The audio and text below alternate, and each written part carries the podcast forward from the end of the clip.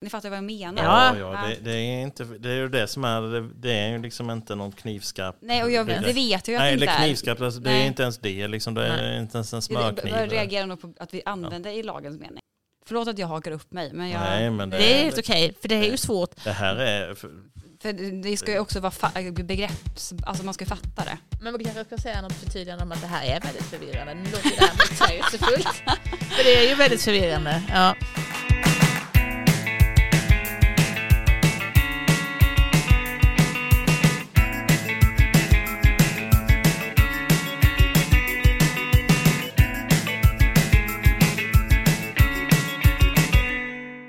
Hej Kristin. Hej Lisa, Hej. Dags för podd igen. äntligen. Mm. Det här är ju ett väldigt roligt och återkommande inslag på fredagarna. Nu är det dags. Mm.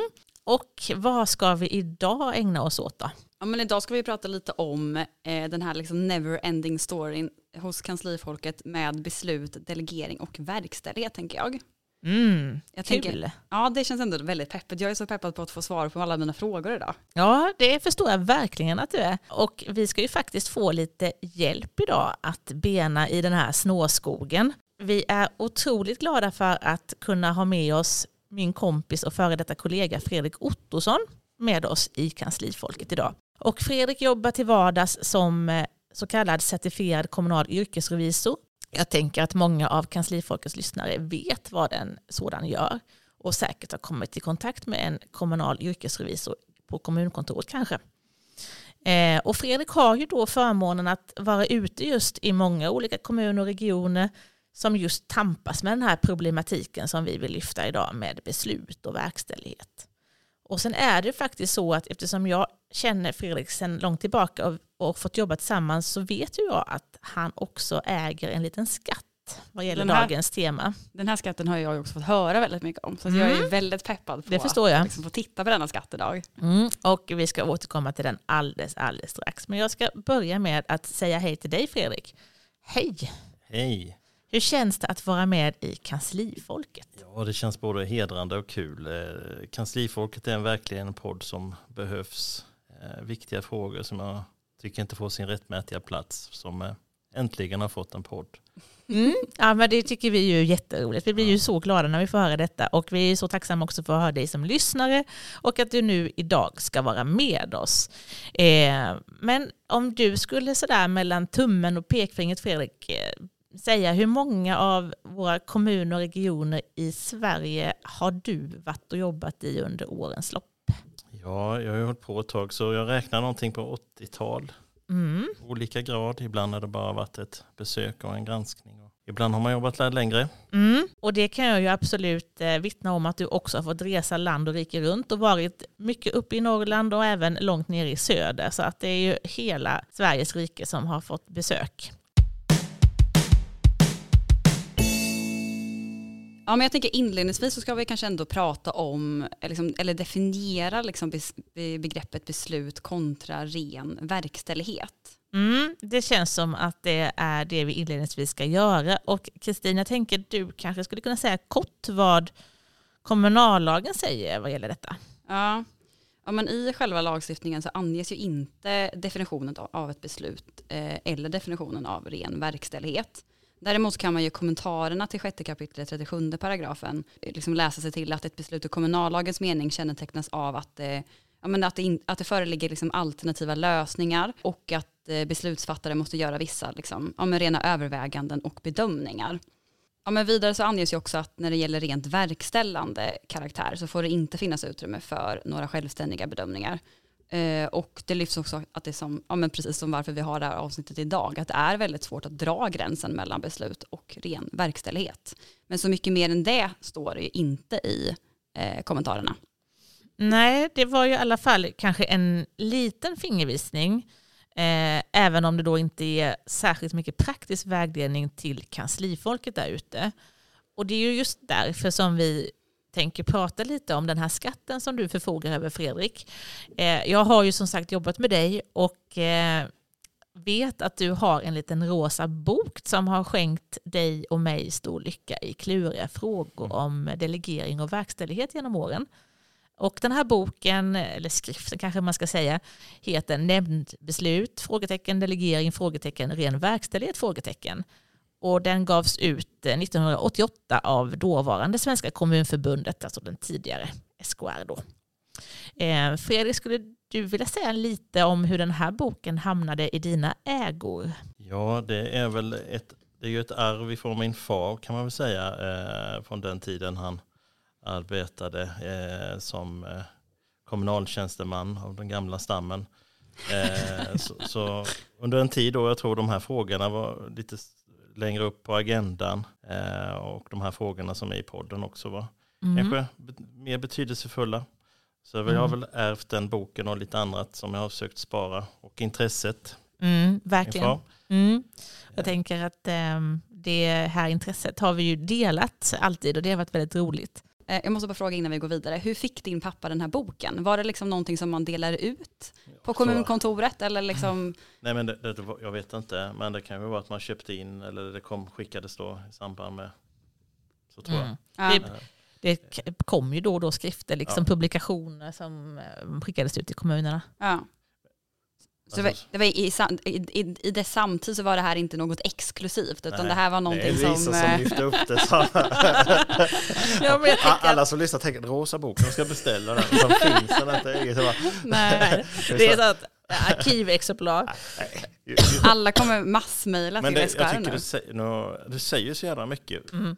För det, det här är ju ingen stor grej, men det är ingen som gör sånt här längre. Nej. Nej. Det är um, ingen som bryr sig om kanslifolket alls. Nej, nej, precis. Det är ju det som är så sorgligt och det är därför som vi känner att vi måste lyfta upp det mer. Mm. Eh, jag vet att du Kristin har ju exempelvis googlat eh, genom SKRs webbplats och du, det finns ju inte mycket för eh, kansliet. Nej det gör det absolut inte. Och jag har också försökt hitta något form av, jag tänker att, att någon någonstans borde ha liksom hänvisat till den, den här boken eller liknande skrifter. Mm. Hittar mm. ingenting överhuvudtaget. Jag har Nej. verkligen googlat sönder.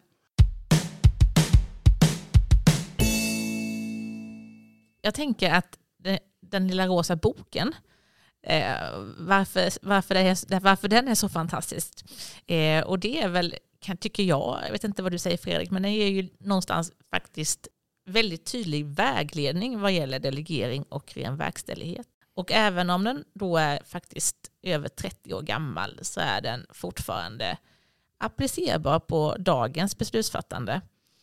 Och det säger kanske mer om lagstiftningen än boken egentligen. Ja, och i sammanhanget är det väl kanske också på sin plats att liksom lyfta att det idag väldigt sällan fram, alltså vi får ju väldigt sällan vägledningar och praktiska råd vad gäller kanslifolkets frågor.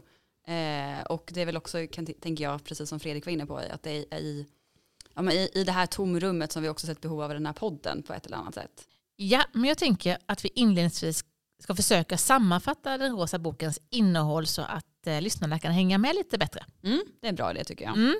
Eh, den här boken den arbetades fram då det samtidigt faktiskt pågick en översyn av kommunallagen som skulle resultera i den kommunal kommunallagen som fanns innan den vi har nu, alltså KL 1991, kolon 900. Mm. Den gamla godingen. Ja, precis. Och författarna lyfter ju också inle i inledningen att de, och när vi pratar om dem i det här sammanhanget så är det Kommunförbundet, ofta får frågor på ämnet beslut, delegering och verkställighet och framför allt om gränsdragningen mellan beslut i kommunallagens mening och begreppet ren verkställighet. Mm. Och de skriver ju också att de har funderat väldigt mycket på hur man på ett ja, enkelt sätt skulle kunna förtydliga och liksom åskådliggöra den här gränsdragningen. Mm, eh, och precis. med boken som material så vill de ju därför ja, men stimulera till diskussion och liksom ett lokalt anpassat förändringsarbete i kommunen, uppfattar jag det som. Ja men absolut, och de vill också ge en klar bild av det faktiska formella läget. Mm. Så det finns ju också med i boken ett särskilt avsnitt döpt till Så här är rättsläget. Det hade man ju velat ha ja. fler av. Så här är rättsläget. Gud vad bra. Komprimerat sammanfattat, jag älskar Perfekt. Mer sånt åt kanslifolket. Ehm, och sen också i ett ytterligare avsnitt har författarna försökt lägga samman då de formella kraven i lagstiftningen med den praktiska verkligheten i en sammanfattande bild över en möjlig liksom, beslutsordning. Mm. Eh, och med hjälp av exempel försöker de tillämpa denna systembild Och det avsnittet heter sen då ett möjligt system. Det kan låta lite komplext nu men jag tänker att vi kommer förklara det vidare. Ja, jag tänker liksom för syntolkningens skull. Ja, så. det kan behövas verkligen. Jag tänker att du Fredrik kanske kan förklara vad den här systembilden innehåller och, och vad, vad, de vill ha sagt med den. Mm. Så att även lyssnarna förstår. Ja, det, det, är väl egentligen en enkel bild för att förklara eh, som en trappa egentligen i olika steg eh, kring de här frågorna om beslutande rätt. Alltså att, mm. eh, på sätt och vis är första trappan, första, eller längst upp i trappan är det ju liksom att man behöver ha beslutande rätt från fullmäktige. Man, eh, all beslutande rätt utgår från fullmäktige. Och då behöver frågorna delegeras till, till nämnd som sker liksom i reglementet. Eh, och sen har då nämnden i sin tur eh, möjlighet att delegera till de här frågorna som man får till sig då i viss utsträckning delegera till eh, utskott eller tjänstepersoner och så vidare. Då. Mm. Och man även rymmer en verkställighet i de här frågorna. Men så längre ner man i trappan man är, är man ju beroende av vad som har hänt ovanför. Eh, som tjänsteperson kan man ju inte ta beslut i frågor som eh, kanske är delegerade i delegationsordningen men som inte nämnden har fått eh, beslutande rätt från fullmäktige från, från första början. Mm. Det är sånt där som man brottas med varje dag.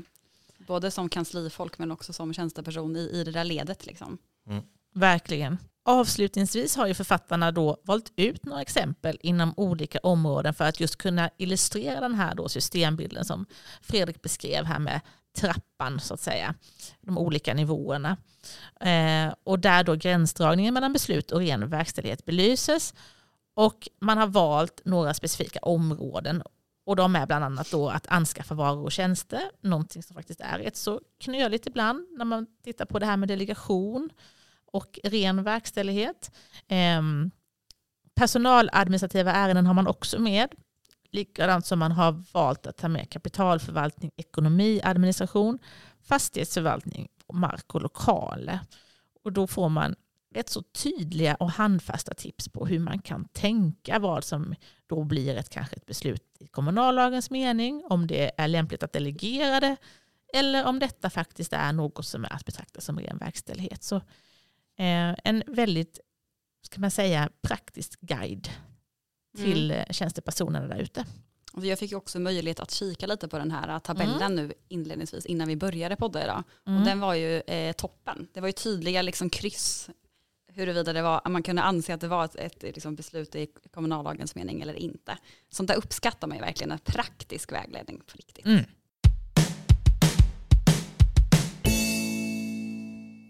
Ja, men då kommer vi in i, i avsnittet empiri från den rosa boken, det vill säga vad innehåller den? Mm, precis. Det här kan ju också, tänker jag, bli lite så här teoritungt avsnitt.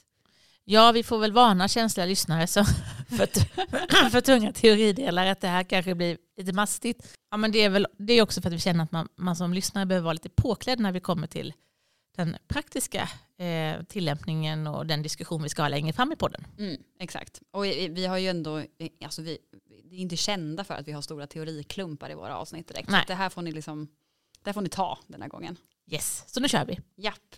Eh, nej men inledningsvis så pratar de i boken om då att de förtroendevalda i kommunen, och det vet vi alla, har det politiska ansvaret för verksamheten i sin helhet, det vill säga beredning, beslut och verkställighet. Det klassiska som, Precis. som vi alla liksom eh, är högst involverade i som kanslifolk.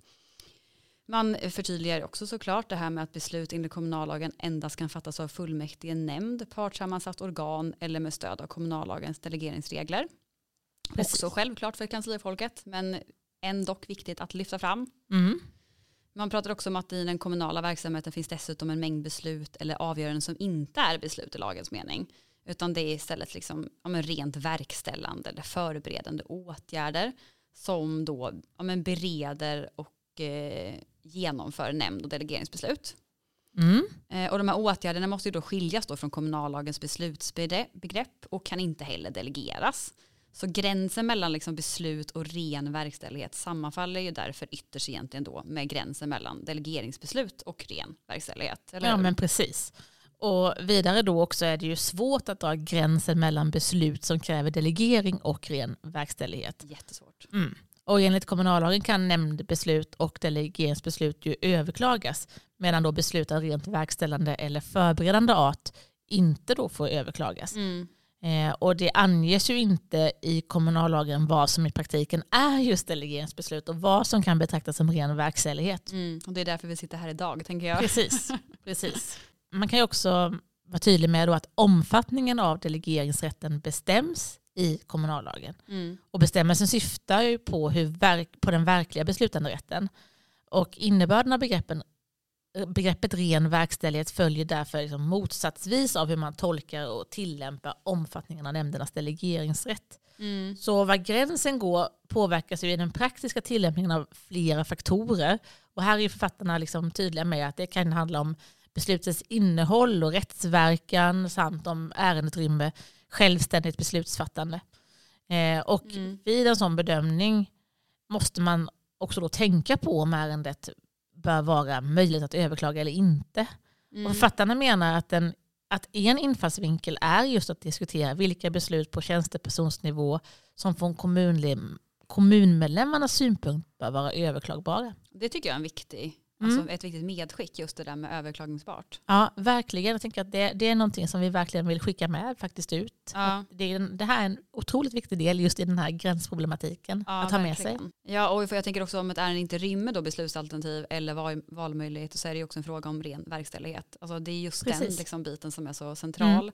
Och författarna menar ju också då att mot bakgrund av den här då förändrade och allt mer utvecklade rollfördelningen mellan politik och tjänstepersoner så kan man ju så fråga sig nu då, är det verkligen bara att sådana enkla åtgärder som kan hänföras till ren verkställighet eller har vi fler liksom, beslut, citationstecken idag som faktiskt är någonting annat? Exakt, exakt. Och här, här skriver författarna att man anser att den formella tolkningen av begreppet ren verkställighet är snäv. Det kan man verkligen säga. Mm. Och den inte stämmer överens med ett modernt sätt att arbeta i förvaltningarna i praktiken. Och då tycker jag man ska betänka att det skrev man då. Ja, exakt. Det var 1988. Ja, och idag skriver vi 2023. Ja, helt och eh, jag kan tänka mig att vi faktiskt har ett ännu mer modernt sätt att arbeta i förvaltningarna i praktiken idag än vad vi Ja. hade då. sjukt intressant i Mm. sammanhanget. Ja, och författarna skriver då också att eh, allt utifrån sitt perspektiv 1900 1988, att, att fler beslut inom förvaltningen bör betraktas som ren verkställighet. De skriver liksom att det är självklart att en tjänsteperson inom ramen för sin anställning dagligen fattar beslut inom citationstecken av självständig karaktär och som rymmer möjlighet till vägval. Mm. Och det är det som är intressant eh, just utifrån att det kanske då Beslutsbegreppet blir ju jättesvårt i sammanhanget. Vad gör vi med otroligt det? svårt. Vi borde ha ett nytt ord för Ja, det, det som händer. saknas ju någonting här. Ja, exakt. Och Vad vad, det nu är. Exakt, vad är det? Spännande. Och målstyrningen i kommuner och regioner förutsätter ju en ökad delegering av beslutanderätten till tjänstepersoner i budget, personal och andra förvaltningsfrågor.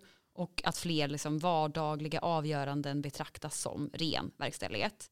Och det ger ju också förtroendevalda bättre förutsättningar ja, men att ange verksamhetens inriktning i stort och med mål och riktlinjer liksom leda utvecklingen i kommunen eller regionen. Mm, definitivt. Och, och i boken så anger man också att flertalet av en förvaltningschefs ställningstaganden är just att betrakta som ren verkställighet. Mm. Förvaltningschefen leder arbetet på förvaltningen, bland annat med att utveckla organisation, arbetsfördelning, styr och uppföljningsmedel, ta initiativ till förändring och utveckling för att liksom nå bättre uppställda mål. Och förvaltningschefen kan ju också fatta överklagbara beslut med stöd av delegering och det är viktigt att just dessa ärendegrupper noga identifieras. Så här tror jag vi är någonting på korna. Mm. Alltså det här är ju verkligen någonting som man bör ha med sig tydligt idag också Mm. att eh, fundera på. Ja, och att man hanterar dem som alla andra delegationsbeslut men att man då särskiljer dem från det andra som Mm. inte är då beslut Mm. eller vad du nu ska kalla det. Ja, liksom. medveten, bli medveten om att det förekommer olika typer av beslutsfattande. Då. mm, precis. Ja, för också, jag tänker också ju fler beslut som betraktas som ren verkställighet innebär ju, precis som vi var inne på innan, det här med överklagningsbiten. Alltså Mm. laglighetsprövningen är ju centralt i, i någon form av så här medborgartalan tänk att så här, för för att man då ska, ska kunna överklaga det så måste det ju vara ett, ett beslut i kommunallagens mening. Eh, och då Precis. ställer sig också författarna att de frågar sig vilket demokratiskt intresse kommunmedlemmarna kan ha av olika beslut, att, att, liksom, att överklaga olika beslut, att det är det som också ska liksom styra lite. Och när det kommer till just inre verksamhet så kan man ju fråga sig, ja, men i vilket Mm. intresse finns från kommunmedborgarnas sida att överklaga då kanske en, en, en arbetsfördelning från en förvaltningschef eller så. Det finns det ju inte något intresse Nej. av. Nej. Eh, Så från medborgarnas synpunkt så borde det i första hand vara intressant att, ja, men att kunna överklaga då fullmäktigenämndernas principbeslut genom då laglighetsprövning. Ja, men precis. Ehm, och beslut som på något sätt då rör förhållande till kommunmedlemmarna eller andra externa förhållanden måste ju alltid då kunna överklagas på något sätt. Då måste man ju lägga det inom ramen för beslut enligt KL. Liksom. Ja, exakt.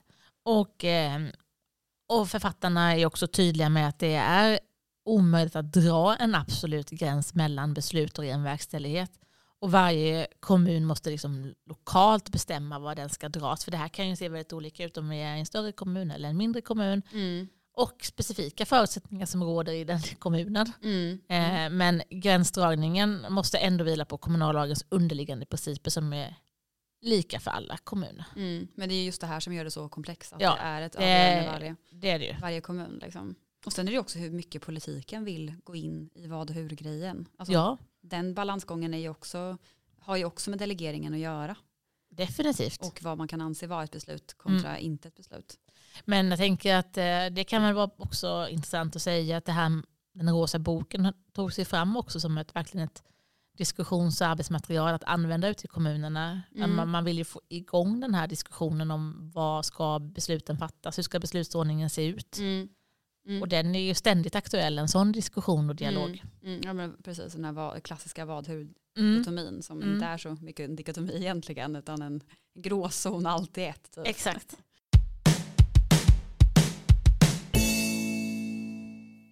I boken används begreppet beslutsordning och begreppet delegering i två led. Och beslutsordningen är så att säga uppgiftsfördelningen mellan fullmäktige och nämnderna samt nämndernas delegeringsrätt. Och det här är ju väldigt intressant. Mm. Och jag tänker, Fredrik, skulle du kunna beskriva vad som avses med delegering i två led?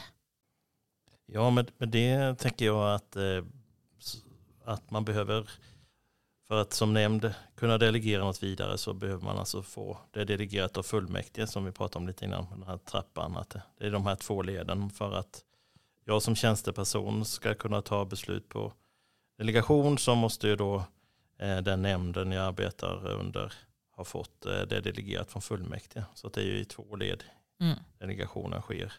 Eh, Och där kan det ju ibland fallera så att säga. Att man, att man inte kan agera då utifrån att inte nämnden har fått uppgiften i sin tur då. Mm. Man pratar väldigt sällan om den delegeringen mellan fullmäktige till nämnd, alltså det här som genom reglementet regleras, liksom vad nämnderna ska fatta beslut om. Man brukar ju ofta bara prata om delegering från nämnd till tjänsteperson. Ja, jag tror att många kan, när vi säger delegering två led så tänker jag att många kanske kan missuppfatta och tro att det handlar om vidare delegation. Ja. Det är något helt annat Ja. och det kommer vi inte alls gå in på idag vill jag säga. Ehm, utan, Det blir en eh, egen det, är, en- det är ett eget program, ett eget poddavsnitt. Ehm, så, eh, så det är jättebra tycker jag med det förtydligandet. Det handlar om liksom fullmäktiges delegering till nämnden och det sker genom reglementet. Det blir som en arbets, uppdragsbeskrivning, arbetsbeskrivning till nämnden, vad den har för ärenden hos Mm. sig. Mm.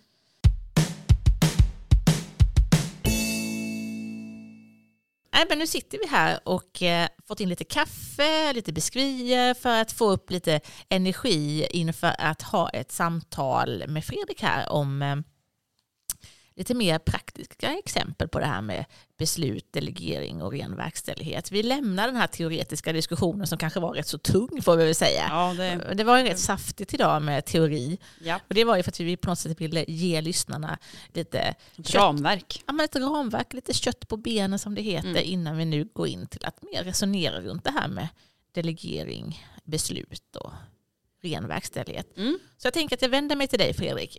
Du i ditt jobb, du rör dig ju som sagt i många olika kommuner och stöter återkommande på, tänker jag, utmanande exempel och frågeställningar i beslutsfattandet kopplat just till delegering och ren verkställighet. Om vi skulle stanna där och ställa frågan till dig, är kommunerna bra på att landa rätt i sin beslutsordning? Ja, det tråkiga svaret blir nog som alltid att det beror på. Det skiljer sig förstås Ja. mellan kommunerna. Så ju. Eh, Många är ju noga och försöker tänka ut eh, och processer i det här så att man kommer på rätt sätt. Och andra tar det kanske inte fullt ut på det allvar som, som det kräver. så.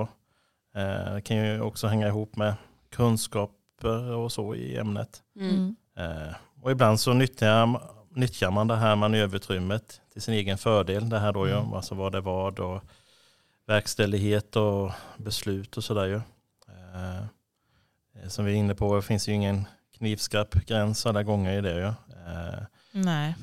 det man kan se väl eh, som sagt var eh, i olika sammanhang det här är svårt att skilja verkställighet och formella beslut. Det blir väl kanske ibland när man tittar i delegationsordningar, vilket det ofta blir i det här jobbet att man tittar i, så, så kan man ju hitta olika saker. Att man, det här med verkställighet blir, blir beslut, att man har uppe ärendetyper som att samordna förvaltningen eller omvärldsbevaka och så vidare blir som beslut då. Har man lagt in det då i delegationsordningen menar du? Ja. Eh, Vad kul att liksom kunna skilja då på när man, gör, när man då tar ett beslut, när man gör sin omvärldsbevakning och när man bara googlar lite tänker jag. ja, precis. Det blir lite knepigt hur besluten ska dokumenteras och anmälas till nämnden.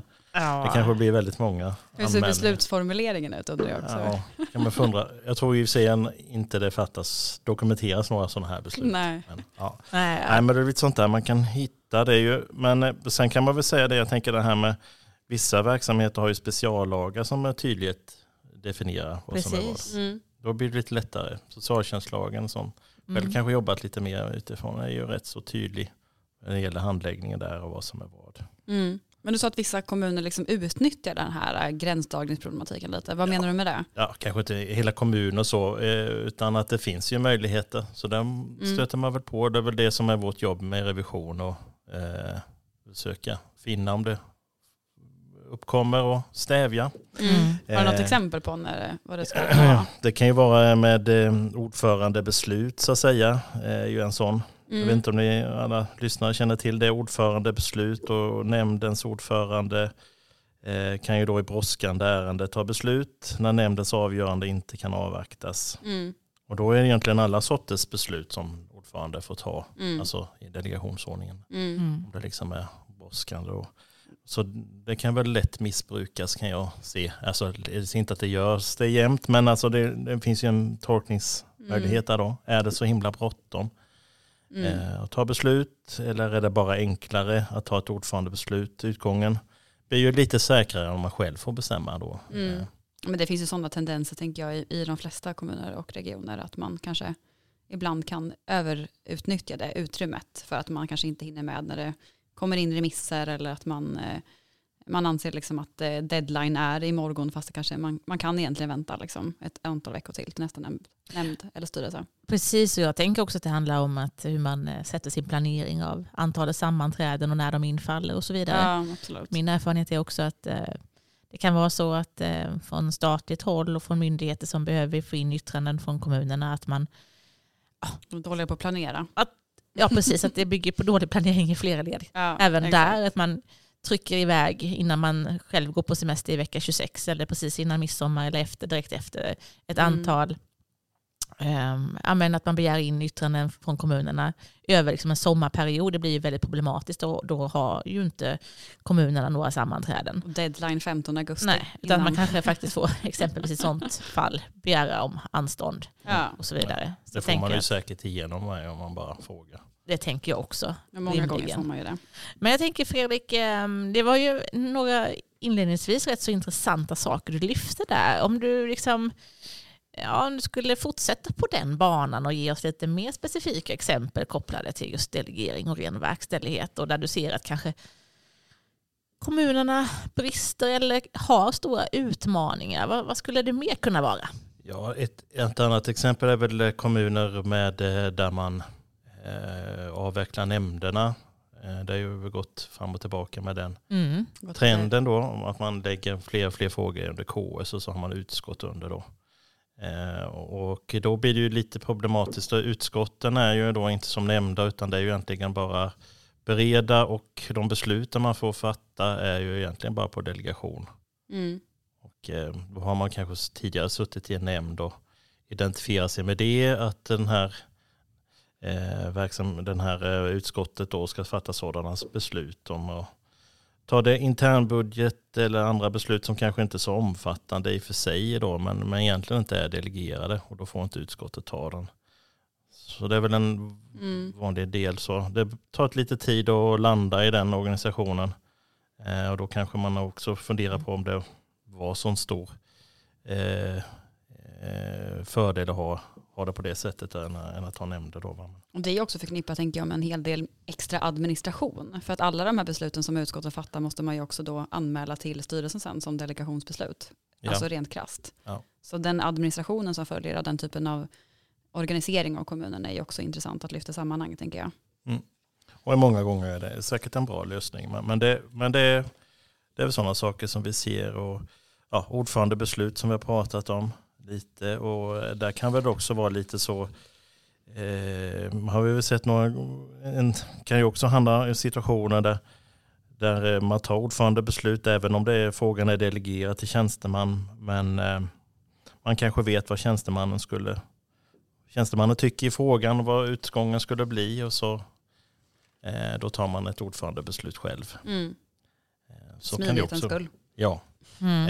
eh, ja, ska vi inte säga att det är väldigt vanligt förekommande men det kan det ju, Mm. sånt finner vi ju ibland. Mm. Mm. Eh, så det är ju lite, alltså, man får väl tänka, ja, har man delegerat ett eh, beslutsfattande så är det ju man själv som fattar besluten och får stå för dem. Mm. Mm. Eh, För så kan det ju vara ibland att, att man som tjänsteperson då får fånga in från de ledande Eh, politiken så att säga eh, olika saker som de vill och sen så fattar man de här besluten på delegation men som egentligen man inte själv har tagit i, egentligen så att säga. Mm. Men jag tänker de här besluten som fattas i ledningsgrupper, då, de är ju alltid väldigt kluriga. Det finns ju massa ledningsgrupper runt om i kommunerna och regionerna på olika nivåer. Eh, och där tänker jag att det är många kommuner och regioner som brottas med hur man ska definiera alla de olika besluten, om jag nu får använda det ordet igen då, Mm. som fattas i de här konstellationerna. Kan man liksom uteslutande betrakta det här som ren verkställighet liksom då mot bakgrund av den här diskussionen vi hade inled- inledningsvis med den rosa boken? Eller hur ska man tänka liksom kring de här frågorna? Det går ju nog inte att säga att bara för att det är en ledningsgrupp så är det inte beslut enligt kommunallagens mening men Nej. många av dem är nog eh, verkställighet. Mm. Problemet är väl bara att eh, det blir ju inte då, eh, eftersom man inte kan delegera på det sättet till en grupp tjänstemän enligt kommunallagen så, som Mm. man kan göra med till politiker i utskott då, så, så blir det ju inte att eh, ledningsgruppen i sig tar ett eh, formellt beslut enligt kommunallagen utan då får man ju lösa det att förvaltningschefen eller kommunchefen eller den som är leder ledningsgruppen får den delegationen och Mm. fatta beslut. Mm. Så egentligen är det hela tiden ett avgörande även där som måste ske. Ja, precis. Och där måste ju man vara väldigt medveten om när man börjar röra sig mot beslut i kommunallagens mening. Från det som då är att betrakta som ren verkställighet. För jag tänker att det kan nog vara en, en liten sammanblandning av olika typer av frågor på en dagordning i en ledningsgrupp där man kanske tangerar att hamna i beslut i kommunallagens mening. Mm. Mm. Så att man är observant på det. Jag tänker att Mm. det här är ju jättesvårt. Det, det kan vi ju konstatera att det här är jättesvårt att dra gränsen. Mm.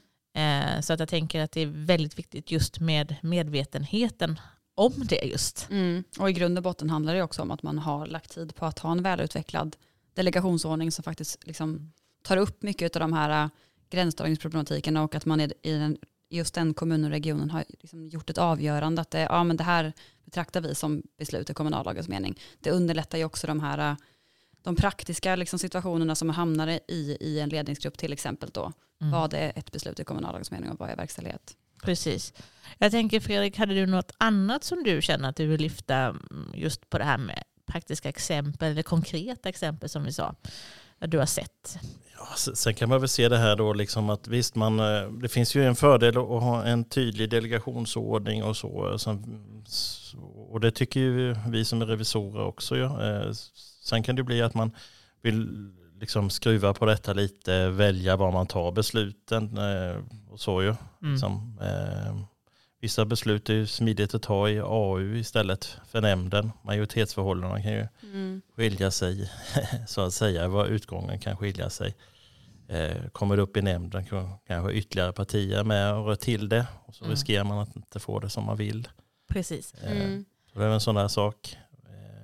Eh, Mm, och jag tänker att eh, i Rosa boken, jag som kanske av oss tre nu i, i närtid är den som mest har kanske legat och, och eh, läst den nogsamt.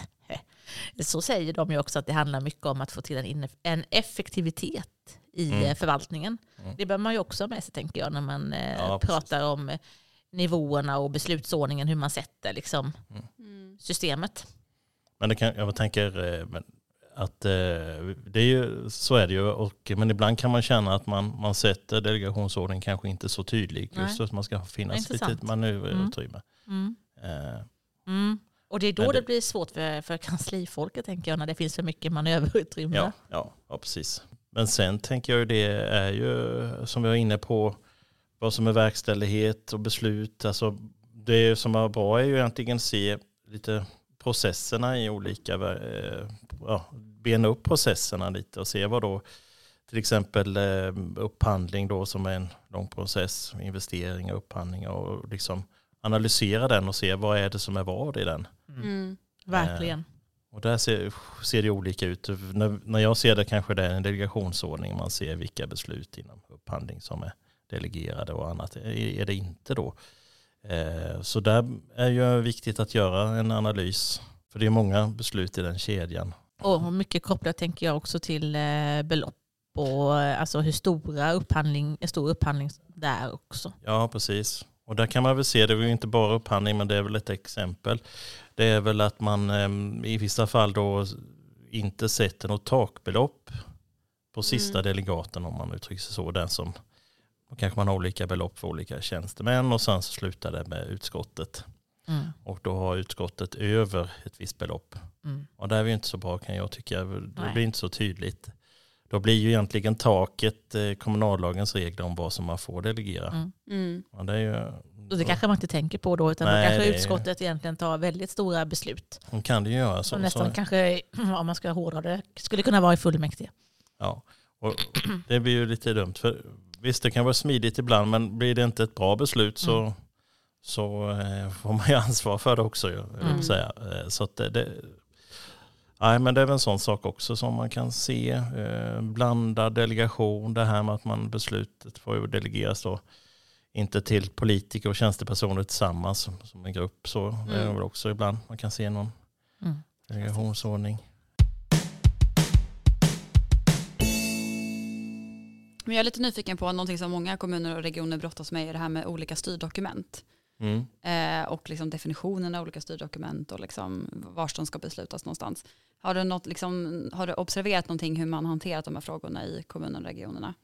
Ja, men det finns väl flera som håller på att gå igenom och, och, och liksom göra en eh, eh, riktlinje för det så att säga över olika styrdokument och vad de ska ta oss någonstans och vilken styrkraft de ska ha. Mm. Det är väl klokt. Mm. Det är väl inte bara utifrån de här frågorna utan det är liksom för att få att röja lite om man säger så Mm. i den här Mm. djungeln med styrdokument. Och. Mm. så, så det är väl positivt. Så det är väl en sån tendens som jag tycker man ser. Mm. Vad, är, vad betyder riktlinjer egentligen och vad betyder rutin? Och, och vi är ju vana och, och vi, om man får säga så, som Mm. revisor får man kalla sig lite kanslifolk ändå. Mm. Så gillar vi ju liksom eh, vad det betyder. Då riktlinjer för oss är någonting Mm. som en nämnd ska ta kanske. Precis. Ja. Exakt. Men vad är vad där när man Ja. bläddrar i dokumenten så är det liksom instruktioner. eh, Töm posten då och gå dit. Mm. Och, Mm. ja. Ja. Så det är bra om man Mm. styr upp det lite då. Jag tänker att jag eh, går vidare, för det är någonting som jag grundat lite på, eh, är det här med något som man har stött på då och då i eh, olika kommuner. Eh, det här med verkställighetsbeslut, att man faktiskt kallar någonting för verkställighetsbeslut. Och mot bakgrund av vår diskussion som vi har haft och reflektion här idag så blir ju det på något sätt eh, rätt så, så knepigt eh, att ta till sig vad, vad, skulle in, vad är innebörden av ett verkställighetsbeslut. Det här är då beslut som, som, som, in, som inte kanske anmäls till nämnden men hanteras på samma sätt som ett delegeringsbeslut vad gäller handläggning, diarieföring och så vidare. Eh, men utifrån vårt tidigare resonemang så blir det väldigt konstigt liksom att baka ihop verkställighet och beslut i ett ord och kalla något för verkställighetsbeslut.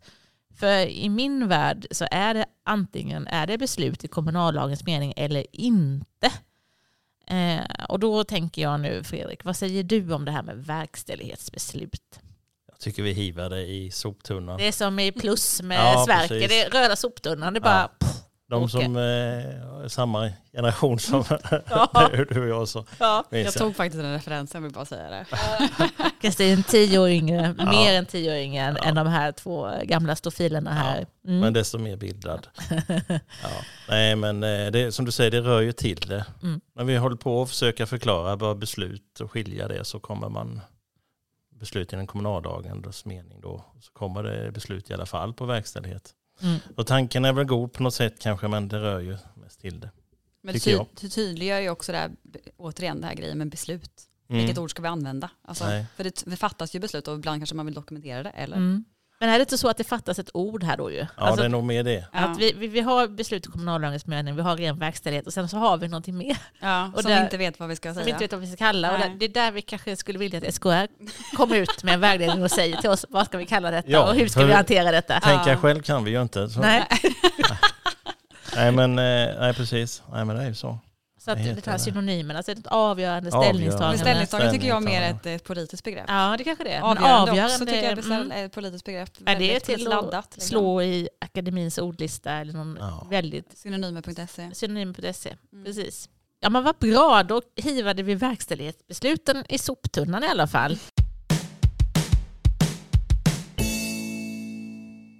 Men en grej som jag funderar väldigt mycket på är det här med fastställa förvaltningsorganisationen. Mm. Eh, alltså va- vars, eh, eller hur man ska hante- hantera den typen av eh, liksom, beslut. Ska det liksom delegeras eller är det liksom, kan man tycka att det är ren verkställighet i sig själv? Har du, någon, har du några liksom praktiska erfarenheter av hur man har hanterat den här typen av frågetecken i Nej. kommunerna? Jag tycker den är svår. Ja, jag vet, den är jättesvår. Men det hade varit kul att kunna ha ett resonemang kring det. Ja, Jag alltså, tänker Kristina att du kanske vet vad Rosenboken säger. Ja, jättegärna. Mm. Jag tänker organisationsstruktur, de har ju organisation här. Då säger man organisationsstruktur.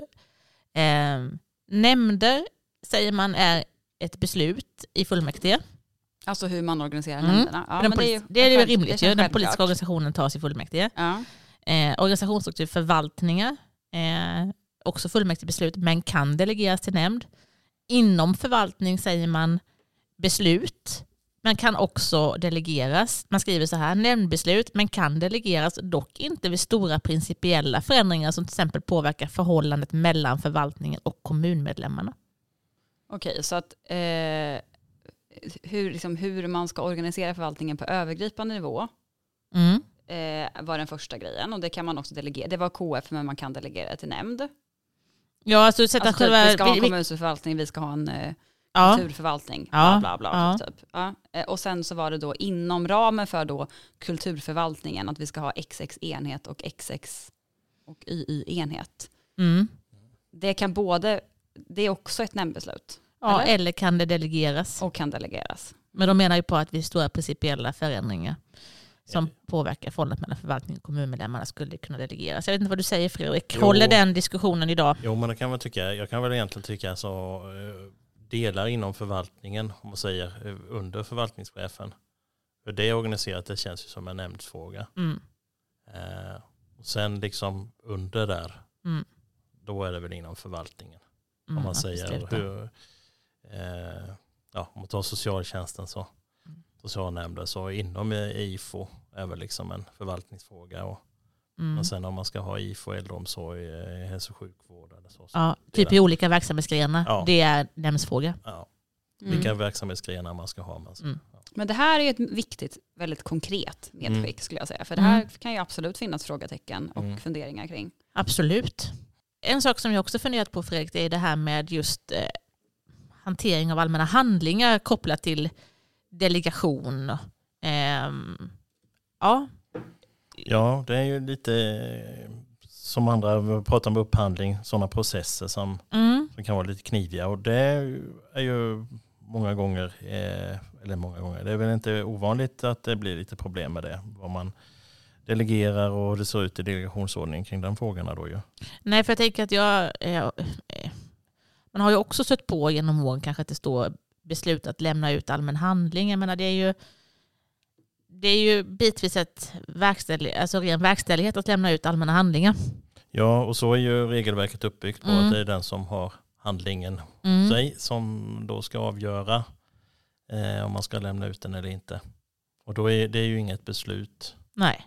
utan det är mer verkställighet. Mm. Och sen då om man ska då ska man informera och det här ju om att man, eh, om man eh, som utomstående vill få saken prövad av myndigheten och få ett eh, skriftligt beslut så, behöver man ju det är ju det man behöver för att överklaga. Då Mm. måste man informera om den rätten. Och det är ju en, eh, inte helt ovanligt att man missar ibland. Och att man har en, utan som du säger, man kanske delegerar beslutande rätt att lämna ut handling. Mm. Men egentligen ska det vara då bara eh, beslut att lämna avslag, delavslag om man maskar till exempel.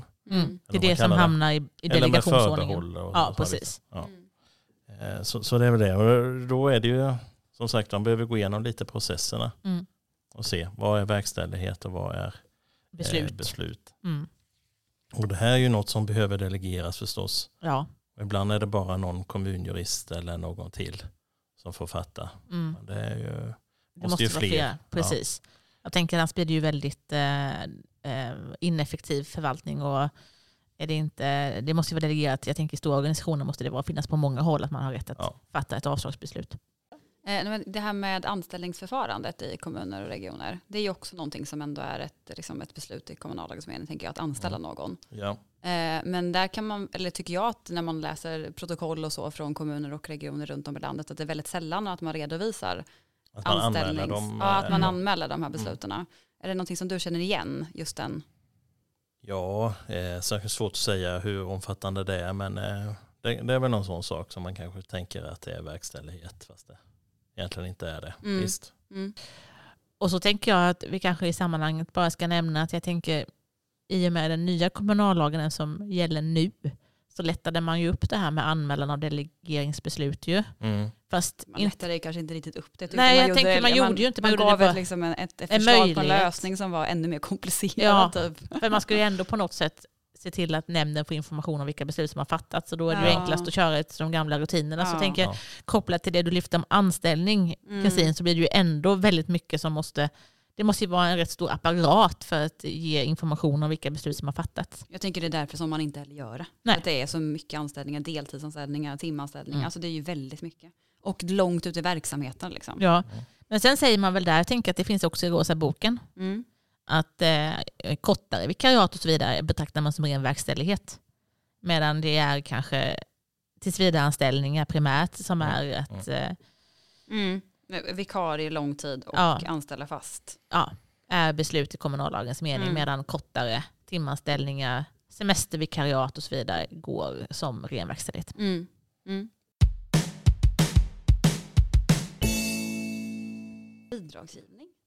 Skulle man kunna betrakta som ver- verkställighet inom ramen för väldigt tydliga.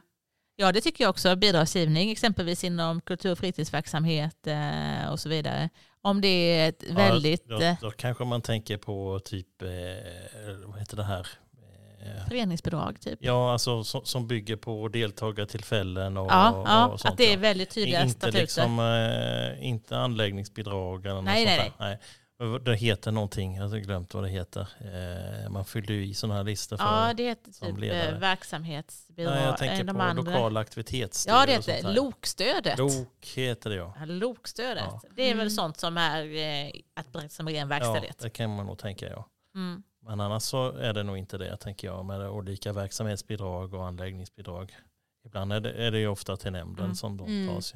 Men också utifrån kanske storlek. Jag tänker investeringsbidrag och annat är ofta större mått, måste upp till nämnden. Mm. Men om det finns ett väldigt tydligt regelverk, om vi säger för bidragsregler för vad man ska ha, eh, vad en ansökan ska innehålla. Jag tänker för att, eller att det är tydligt, om det finns väldigt tydligt sagt vad det är man kan få stöd för, Mm. kan man säga att det skulle kunna betraktas som ren verkställighet att sköta den bidragsgivningen. Om det nu, ja, har svårt att säga så exakt, men jag Nej. skulle nog inte hanterat det som Nej. tjänsteman eller politiker. Utan Nej, den, är, den blir Eh, ju... Eftersom det är så ändå känsligt eh, Mm. mellan olika föreningar vad man får så är det nog lite, politiskt. av den anledning Mm. är Nej, lite men- knäppt att Ja, det hamna där. Men jag tänker på det här med ytterligare ett område som kan vara intressant att ta upp i sammanhanget när man pratar om, då, om beslut kontra verkställighet är ju det här med eh, speciallagstiftningens liksom direktdelegering till vissa professioner. Då kan man ju bland annat se i skollagen att eh, eh rektorn får ju direktdelegerat vissa eh, arbetsuppgifter till sig genom då statens liksom, styrning genom lagstiftningen. Medan huvudmannen har andra uppdrag i samma lagstiftning. Den typen av liksom, direktdelegering till profession har ju blivit mer vanligt. Eh, vad tänker du om den? Liksom, för det är ändå någon form av statlig styrning av kommunerna och eh, ja, men en direktdelegering till professioner helt enkelt som kanske inte varit så eh, närvarande tidigare. Ja, det är svårt att recensera så staten. Och, men, det var en svårformulerad. Ja, men, det kanske mest bara var en, en reflektion. Nej, men det jag ska säga är väl utifrån vår synpunkt så rör det ju till det på något sätt tycker jag. Mm. Och den kommunala styrningen. Vad är mm. liksom nämnden? Nämnd, barn och utbildningsnämnden eller utbildning, ja, så här liksom roll och alltså, nej. Jag tycker det rör till styrningen. Mm. mm. Det blir ju ytterligare ett beslut också som vi pratade om innan. Liksom. Ja. Mm. Men eh, det är inte mitt eh, skolområdet, är ju inte mitt område så, så jag kan förstå eh, helt syftet med att ha det på detta sättet. Mm. Utifrån vårt perspektiv, om, man får kalla sig mm. kanslifolk igen här då, mm. så, så tycker jag att det är rörigt att ha det, att ha det så här. Mm. Liksom, gå förbi nämnden. Precis. Och det är väl, detta är väl specifikt inom skollagen, skollagstiftningen, skolområdet va? Med delegation ja, jag känner direkt inte till det Det finns väl inte inom socialtjänsten på Nej, motsvarande socialtjänsten sätt? är ju socialnämnden. Ja, Hälso och sjukvårdslagen har ju samma. Det är sant. Eh, De direktdelegering till mm. verksamhetschefer mm. däremot. Så där, den mm. liksom, styrningen finns inom den verksamheten. Mm.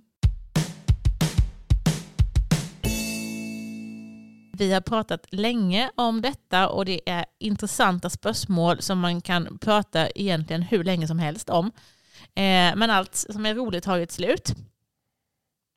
Det har varit fantastiskt kul Fredrik att få ha med dig i kanslifolket idag och att få bjuda lyssnarna på de här betraktelserna från din vardag när du är ute och rör dig i eh, kommunerna i Sverige och också framförallt att vi har fått bjuda på lite matnyttigt från den rosa boken som har skänkt både dig och mig mycket glädje genom åren och nu har vi också fått skänka det till lyssnarna där ute.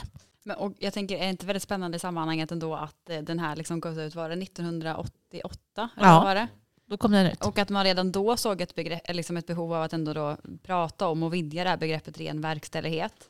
Eh, och att det redan då inte stämde överens med den, det moderna sättet att arbeta som vi pratat om nu. Mm. Eh, och att det, det, det, har ju också utvecklats ännu mer och, och liksom blivit ännu mer förvirrande med den lagstiftning som har kommit efter 1988. Det är ändå stor skillnad. Alltså, Mm. Kommunernas ansvar ser annorlunda ut idag än vad det gjorde 1988. Mm. Så att det borde i, i allra högsta grad vara ännu klurigare idag än då, tänker jag. Det är anmärkningsvärt i sammanhanget att vi inte har fått någonting nytt och det går inte ens att hitta den här rosa boken någon annanstans än hos dig, Fredrik. Nej, och nu, de som lyssnar på den här podden blir ju väldigt eh, nyfikna på... det hoppas jag, för den här Nej precis, den kanske finns på Kungliga biblioteket. Eller om den nu går att låna därifrån. Ja, vi ska, Nej, men frågan det... är ju ändå vad SKR är någonstans i de här ja, frågorna verkligen. idag. Mm, vi vill ju ha fler nya rosa böcker. Vi, ja. vill ha en, vi vill ha, den är jättebra som den är men vi skulle vilja ha en, en version som är daterad eh, 2023 kanske. Ja, aktuella eh, rättsfall. En nyutgåva av den rosa boken, eh, aktuella rättsfall absolut. Så jag tänker att det hade ju någonstans varit verkligen årets julklapp till kanslifolket där ute. Mm. Och jag tänker tills vidare Fredrik så får du ju ha din i bankfack. Ja, det är, får inte berätta var jag bor någonstans. Nej, det kommer vi absolut inte göra. Vi har inte eh, avslöjat ett efternamn heller så det är Nej. så att, eh, ja, men Jag tycker det har varit väldigt kul idag i alla fall. Ett kul samtal. Verkligen. Lite teoritungt men ändå praktiskt. Mm. Ja, det har varit jättekul. Det är ett viktigt ämne. Kul att få vara med i en sån bra podd. Tack Fredrik, det värmer. Jag är väldigt glad att du varit med. Ja, Håll hårt i rosa boken. Ja, Tjingeling.